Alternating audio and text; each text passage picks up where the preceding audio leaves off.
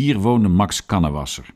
Met Nol van Wezel vormde hij het populaire zangduo Johnny and Jones. Ze kenden elkaar van hun werk bij de Bijenkorf en door hun gezamenlijke liefhebberij de jazzmuziek. Nol van Wezel woonde ook in de rivierenbuurt, in de Volkerakstraat. Hij zong niet alleen, maar verzorgde met zijn spel op de viersnarige tenorgitaar ook de begeleiding. Johnny en Jones traden op voor de Vara Radio. Eind 1938 zetten ze hun grootste succes op de plaat. Meneer Dinges weet niet wat swing is, gezongen met een quasi-Amerikaans accent. Bijna even bekend was hun vlotte uitvoering van Onder moeders paraplu.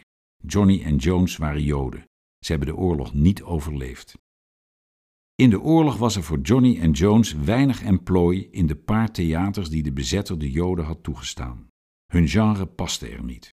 Door optredens in kleine kring probeerden Johnny en Jones toch met zingen aan de kost te komen.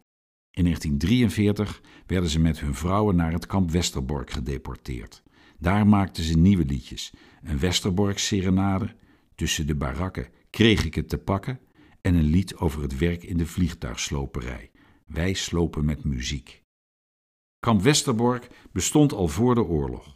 Het was in 1939 gebouwd als interneringskamp voor berooide Joodse vluchtelingen uit Duitsland, Oostenrijk en Polen. In 1942 maakte de bezetter er een doorgangskamp van. Meer dan 100.000 Joden hebben er korte of lange tijd doorgebracht voor ze per trein oostwaarts werden vervoerd naar vernietigingskampen als Auschwitz-Birkenau en Sobibor. Artiesten konden nog wel een uitstel van transport uit Westerbork krijgen. In het kamp werden muziekuitvoeringen en cabaretvoorstellingen gegeven. Maar in september 1944, bij de nadering van de geallieerde troepen, moesten ook de artiesten op transport. Nol van Wezel en Max Kannewasser werden naar Theresienstadt en vervolgens naar Auschwitz gevoerd. In Bergen-Belsen tenslotte zijn ze uitgeput en ziek op de straat voor hun barak gestorven, 28 en 26 jaar oud.